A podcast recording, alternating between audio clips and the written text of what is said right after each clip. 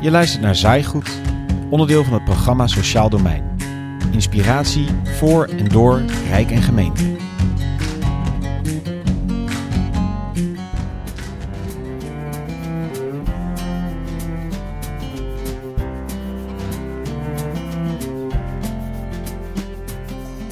De eerste duizend dagen van je bestaan zijn ongelooflijk belangrijk voor je verdere leven.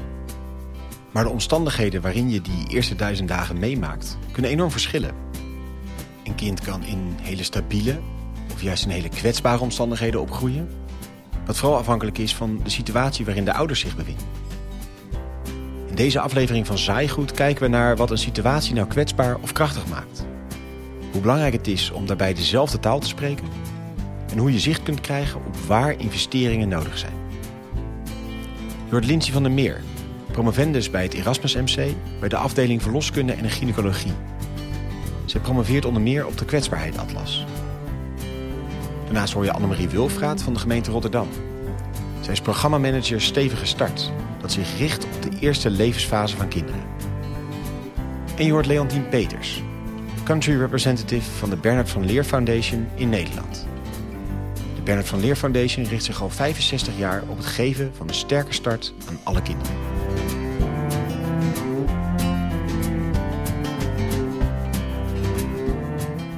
We maakten eerder al een keer een aflevering over de eerste duizend dagen. Met Jordi Peters, wethouder in Heerlen, en Erik Stegers van het Erasmus MC. Maar nog even kort, wat is ook weer het belang van die eerste duizend dagen? Waarom zijn die zo cruciaal? Hoort Leontien Peters van de Bernard van Leer Foundation en Annemarie Wilfraat van de gemeente Rotterdam. Nou, het is een hele kritieke periode in het leven. Niet de enige, er zijn er nog meer, maar het is het begin. En een sterke basis um, is heel belangrijk, want daar bouw je eigenlijk de rest van je leven op voort. dus we weten dat wat er daar gebeurt uh, een groot effect heeft op je gezondheid, maar ook je kansen uh, onderwijs, uh, zelfs op de arbeidsmarkt later in het leven. Die periode, dan groeit het kindje heel hard. Dat is echt een enorme ontwikkeling.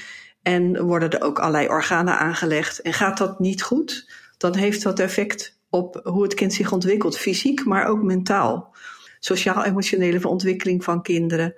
Maar ook uh, ja, als het in die periode de hersenen niet goed uh, aangelegd worden, doordat bijvoorbeeld de ouder uh, drinkt, ja, dan heeft het kind ook cognitieve problemen. Dus het is niet van we moeten alleen maar naar de duizend dagen kijken en daar alles op investeren, maar we moeten ons beseffen hoe kritiek die periode is en dat juist in die periode de, de omgeving een nog veel grotere invloed heeft dan welke andere periode in het leven dan ook. Die eerste duizend dagen reken je niet vanaf de geboorte, maar ook de zwangerschap telt mee. En in sommige gevallen wordt zelfs al gesproken over de eerste tien maanden voor de geboorte. Omdat ook de omstandigheden waarin de conceptie plaatsvindt erg belangrijk zijn. Omstandigheden zijn dus ja, bijna alles. Maar daarin zijn opvallend grote verschillen in Nederland te zien. Dat je in een land als Nederland, wat goed georganiseerd is, eh, relatief welvarend, best goede omstandigheden ook, uh, met wat uitschieters natuurlijk, hè, met de luchtkwaliteit. Dat we in zulke grote verschillen nog kennen in dit land, vind ik een probleem. Um, hè, en dat het dus zo is dat uh, de ene ouder eigenlijk uh, alles heeft om zijn of haar kind een goede start te geven.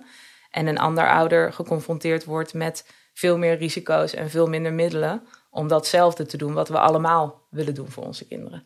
Dus de omstandigheden waarin ouders verkeren is enorm bepalend voor hun eigen leven, maar ook voor dat van hun kind. Maar wat maakt een situatie waarin ouders verkeren nou tot een kwetsbare situatie? De gemeente Rotterdam en het Erasmus MC werken al jarenlang samen om iets te doen aan die eerste duizend dagen. En daarin zijn ze zeer succesvol geweest. In 2000 begonnen ze met de eerste interventies. Als ik kijk naar waar je verschil in ziet, als ik naar die hele lange periode kijk, dat uh, babysterfte in Rotterdam, die is uh, zeg maar vergeleken met de eerste periode al met 36% afgenomen. Dat is natuurlijk een enorme mooie vermindering. Maar ook andere geboortecijfers, daar zien we van dat de, de vroeggeboortes en de laaggeboortegewicht, dat het daar ook steeds nog een trend is die uh, verbetert. Dat is natuurlijk door allerlei ontwikkelingen ge gebeurt dat. Maar je ziet wel dat de daling hier in Rotterdam sneller gaat dan je zou kunnen verwachten. En om echt een verschil te maken, wil je zorgen dat ouders in een zo goed mogelijke omstandigheden verkeren op het moment van de conceptie. Dus wil je ouders helpen, moet je ze daarvoor al bereiken. En dat is natuurlijk heel moeilijk om dan die mensen al in beeld te hebben, want ze komen pas bij de verloskundige als ze zelf weten dat ze zwanger zijn. Hoe krijg je dan toch een goed beeld van waar je moet zijn, waar mensen mogelijk in kwetsbare omstandigheden verkeren? Ja, allereerst moet je dan natuurlijk helder hebben wat je verstaat onder kwetsbaarheid. Je hoort Lindsay van der Meer van het Erasmus MC. Dat is denk ik ook wat wij in Rotterdam heel erg merkten. Dat tussen het EMC, maar ook uh, bijvoorbeeld met de gemeente Rotterdam, ja, werken eigenlijk al jarenlang samen om zorgbeleid voor uh, rondom de geboortezorg te optimaliseren. En heel erg ook inzetten voor groepen die kwetsbaar zijn. Zonder van elkaar te weten, ja, wat, wat is die kwetsbaarheid nou eigenlijk? En het bleek ook heel erg dat iedereen daar toch een net een andere visie over had. Ja, en als je andere definities en andere visies hebt op wat kwetsbaarheid is, dan kom je natuurlijk ook tot andere aantallen als je kijkt naar hoeveel mensen in kwetsbare omstandigheden leven. Uiteindelijk zijn de gemeente en het Erasmus MC in gesprek gegaan en zijn ze tot een gezamenlijk beeld en een gezamenlijke definitie gekomen. Het hangt heel erg samen met het ervaren van moeilijkheden uh, in het leven. Um, als je heel veel moeilijkheden in het leven ervaart, denk daarbij aan nou, bijvoorbeeld wanneer je moeite hebt met uh, rondkomen van je inkomen. Of wanneer je in een uh, omgeving woont uh, waar je je niet prettig voelt. Dus in een omgeving waar misschien veel criminaliteit is. Of een omgeving ja, die heel erg vervuild is. Of waar je gewoon niet prettig woont. Dat kan heel erg een uitwerking hebben op je leven. Hoe je je voelt, de stress die je elke dag ervaart. En uiteindelijk kan het ook een invloed hebben op je gezondheid.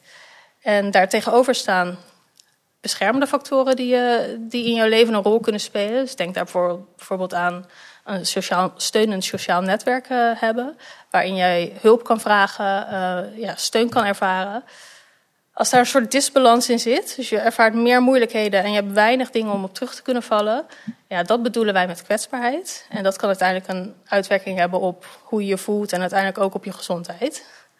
En zeker binnen, het, binnen de geboortezorg uh, heeft het ook een uitwerking op hoe het verloop van een zwangerschap kan zijn. Uh, want daarin is ook heel erg belangrijk hoe iemand zich elke dag voelt. Uh, ja, dat werkt gewoon door op de zwangerschap en op een gezonde zwangerschap. Ja, en dat zijn natuurlijk allemaal dingen die gradueel zijn. Het is niet zwart-wit. Bijvoorbeeld, hoe ziet je sociale netwerk eruit? Daar kun je natuurlijk alleen in relatieve begrippen over spreken. Het is niet een, een ja of nee vraag. Het is niet je bent het of je bent het niet. er kunnen gradaties in zijn. het kan over de levensloop kan heel erg veranderen. De ene keer um, maak je meer, uh, ja, heb je meer te maken met problemen of, of nadelige dingen in je leven. En op een ander moment um, is dat in mindere mate zo. Dus het is ook heel erg dynamisch. Het kan veranderen. Het is geen vaststaand gegeven. En daarom is het ook belangrijk om niet te praten over of iemand kwetsbaar is of niet, maar over in hoeverre iemand in kwetsbare omstandigheden verkeert. Want het draait uiteindelijk om die omstandigheden, zegt Leontien Peters als ik zelf met ouders praat die in zo'n uh, niet stabiele situatie kinderen uh, grootbrengen, dan eigenlijk denk ik altijd: jeetje, wat ben jij sterk. Dat je ondanks hè, um, uh, factoren in je omgeving hebben, en dat kan zijn geen, geen stabiele huisvesting, is een enorme.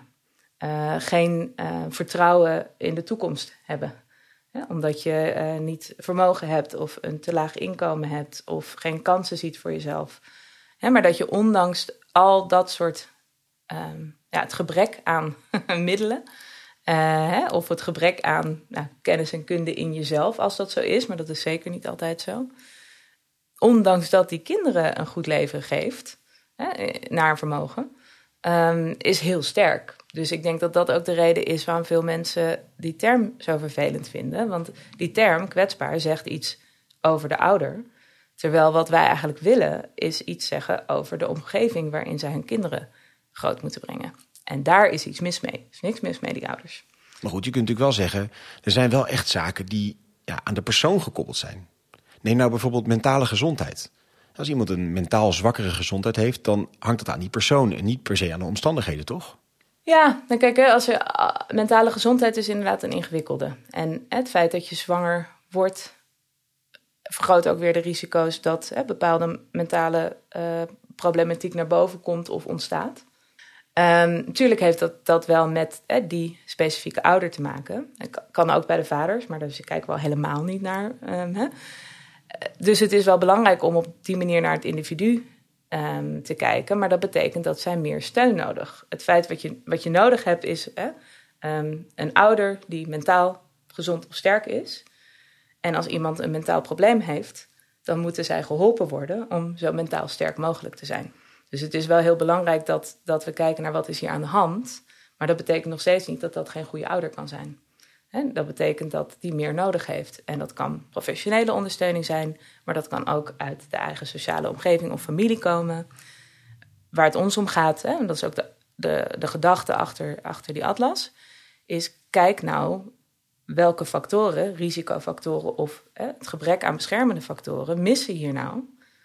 In dit geval dan in een bepaald gebied, zodat die ouders hun rol goed kunnen doen. Leontien noemt het al even. Om dat inzichtelijk te maken is de kwetsbaarheidsatlas ontwikkeld. Je vindt deze atlas op de kansenkaart. kwetsbaarheid.kansenkaart.nl We hebben een model ontwikkeld wat kwetsbaarheid, sociale kwetsbaarheid kan voorspellen. En dat is op basis van heel veel sociale factoren. Die voorspellingen hebben we eigenlijk op individueel niveau hebben we geaggregeerd naar een hoger niveau. Dus dat je eigenlijk op, uh, op buurt of op wijk of op um, gemeenteniveau ja, een soort gemiddelde score uitkomt van de mensen die daar wonen, wat hun sociale kwetsbaarheid is. Er zijn eigenlijk heel veel bestaande gegevens samengebracht op één plek. Uh, en we hebben gebruik gemaakt van gegevens, nou ja, wel over je sociaal-economische status. Denk aan inkomen, opleiding, het hebben van werk. Um, maar ook de bredere sociale factoren, dus um, hoe mensen zich mentaal voelen, mentale um, gezondheid of mensen zich eenzaam voelen of hoe zij een sociale netwerk ervaren. Uh, en we hebben gebruik gemaakt van uh, de gezondheidsmonitor. Dat is een, uh, een hele mooie enquête die in een hele grote groep Nederlanders elke vier jaar uitgezet wordt. Door onder andere het CBS in samenwerking met ook het RIVM en de GGD'en. en daar worden hele mooie vragen gesteld over ervaren gezondheid, maar ook de levensstijl van mensen. En ook uh, over of ze veel sporten, uh, hoe ze eten uh, en dergelijke. Um, heel veel thema's rondom gezondheid.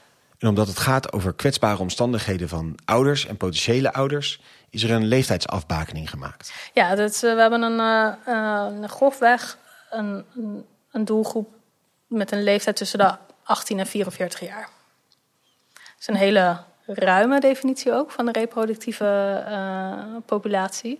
Maar dat is wel, ja, binnen die leeftijd uh, ja, komen de zwangerschappen het meeste voor. En uh, ja, daar komt een nieuwe generatie uit voort. En uiteindelijk is die informatie vertaald naar kaarten, waarop je kan zien hoe een wijk of een buurt scoort. Een score die loopt van 7 tot 35, waarbij geldt dat hoe hoger de score is, hoe groter het risico op kwetsbare omstandigheden. Uh, de, de, de kwetsbaarheid en gegevens uh, die daaruit komen, helpt je heel erg om in beeld te krijgen waar de problematiek zit, uh, hoe groot die is. En uh, dat kan je bij verschillende dingen helpen. Eén, uh, dat je weet wat je zou, wat voor keuzes je kunt maken in je inkoop en in je subsidieverstrekking. Dat hebben wij gedaan in Rotterdam. Waardoor je je geld eigenlijk veel effectiever kunt inzetten. Twee is dat je ook weet hoe groot de groep uh, is en als laatste uh, helpt het ook heel erg om uh, de urgentie aan te geven van het probleem. En dat hebben wij ook samen met de wethouders in Rotterdam hebben we daarnaar gekeken. Ja, die hebben de, ook de handen wat dat betreft in elkaar gestoken. Van oké, okay, de wethouder van armoede speelt een rol, maar ook die van jeugd en die van gezondheid, even afhankelijk hoe de portefeuilles verdeeld zijn dat uh, je eigenlijk op al die thema's zou moeten inzetten samen om uh, daar echt het verschil te maken. En daar helpt zo'n kwetsbaarheidsatlas uh, goed bij.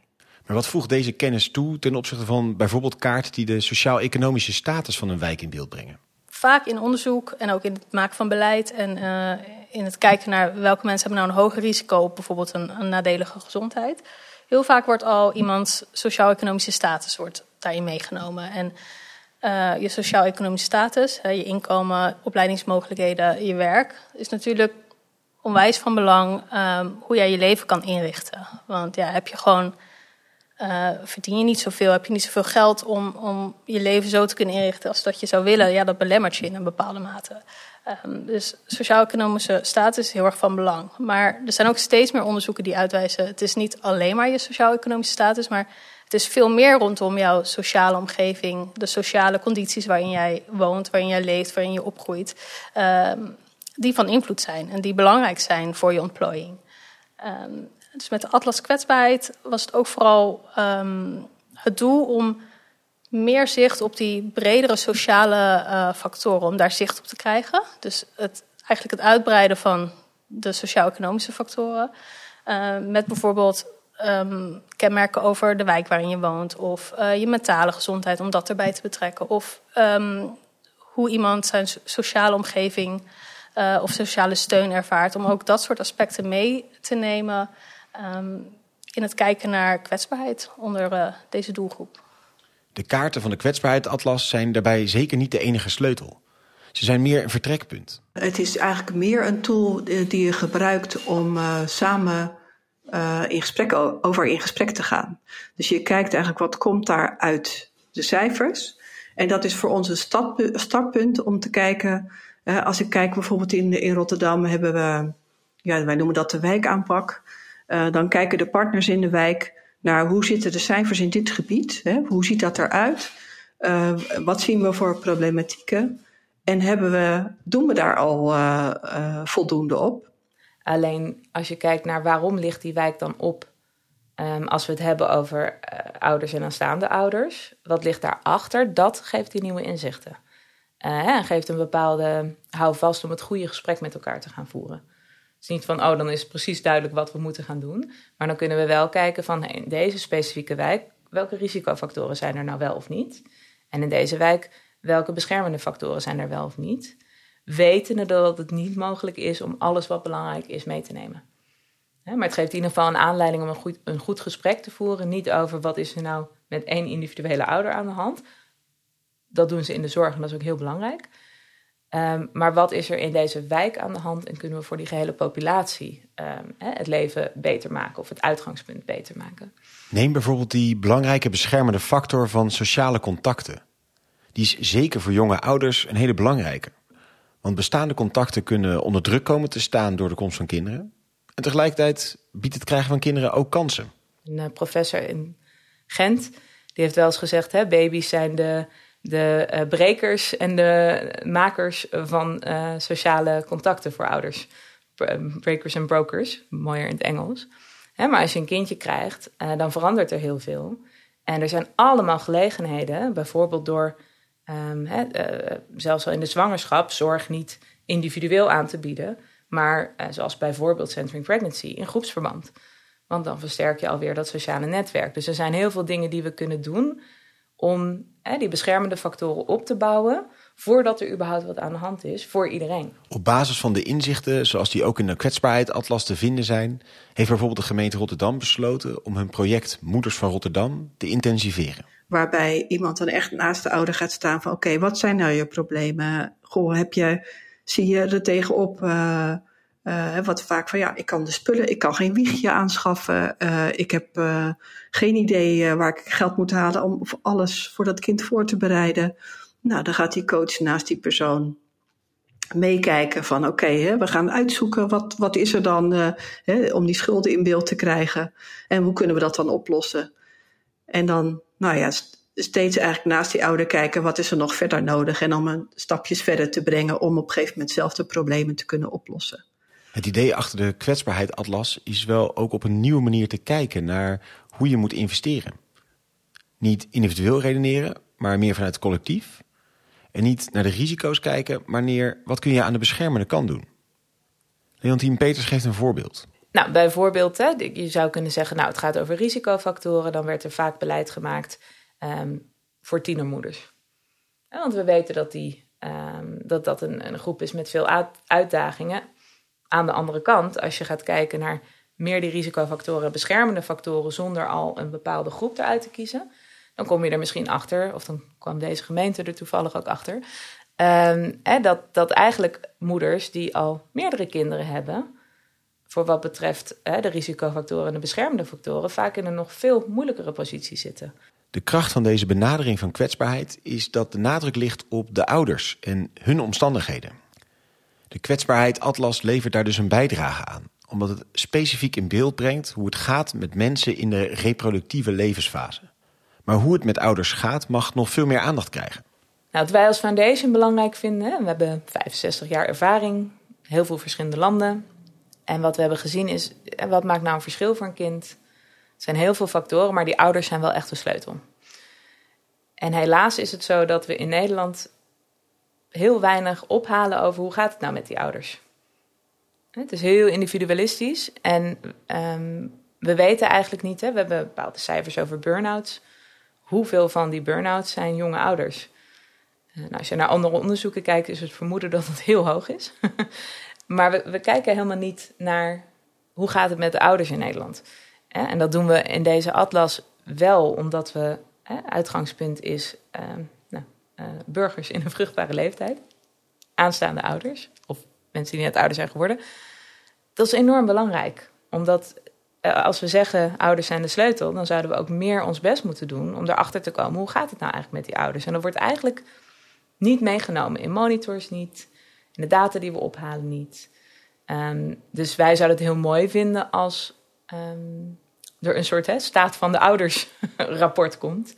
Uh, en, en eigenlijk nog belangrijker, hè, dat indicatoren die aangeven hoe het met ouders gaat, meer worden meegenomen. En ook met het oog op de beleidsvorming is het een heel handige focus. De impact van je interventies en programma's op kinderen op lange termijn is moeilijk meetbaar. Plus je ziet de effecten pas over een hele lange tijd. Terwijl als je directer kijkt naar de omstandigheden van ouders en die monitort, kun je veel sneller effecten in kaart brengen. En je kan sneller zien van gaat het nou beter met de geestelijke gezondheid van onze ouders, ja of nee, dan die langere termijn gevolgen voor die kinderen. En dat maakt die eerste duizend dagen ook heel moeilijk. We kunnen die geboorteuitkomsten nemen. Maar ja, dan, dan missen we eigenlijk uh, een groot deel van die duizend dagen. Dan werk alleen de, de eerste negen maanden.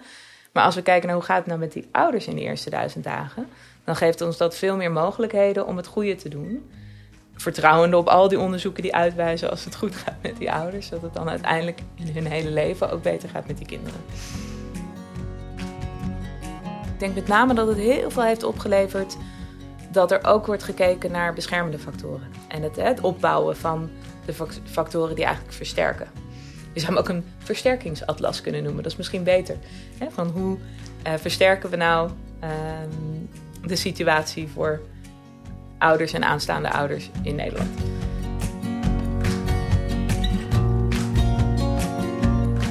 Het is niet zo dat de ene ouder kwetsbaar is en de ander niet. Nee, in zekere zin is elke ouder kwetsbaar. Het gaat om de mate waarin je ook weer beschermende omstandigheden om je heen hebt. Juist als je aanstaande ouders al in een vroeg stadium wil ondersteunen, is het belangrijk zicht te hebben waar in voldoende mate beschermende factoren aanwezig zijn en waar niet. De kwetsbaarheid Atlas biedt dat inzicht en is zo het vertrekpunt om te bouwen aan de volgende generatie. Wil je meer weten over de kwetsbaarheid Atlas? Kijk dan op kwetsbaarheid.kansenkaart.nl. En vergeet niet de eerdere aflevering met Erik Stegers en Jordi Clemens over de eerste duizend dagen te luisteren. Je vindt hem in je podcast-app of op www.programmasociaaldomein.nl. Voor nu, dank voor het luisteren.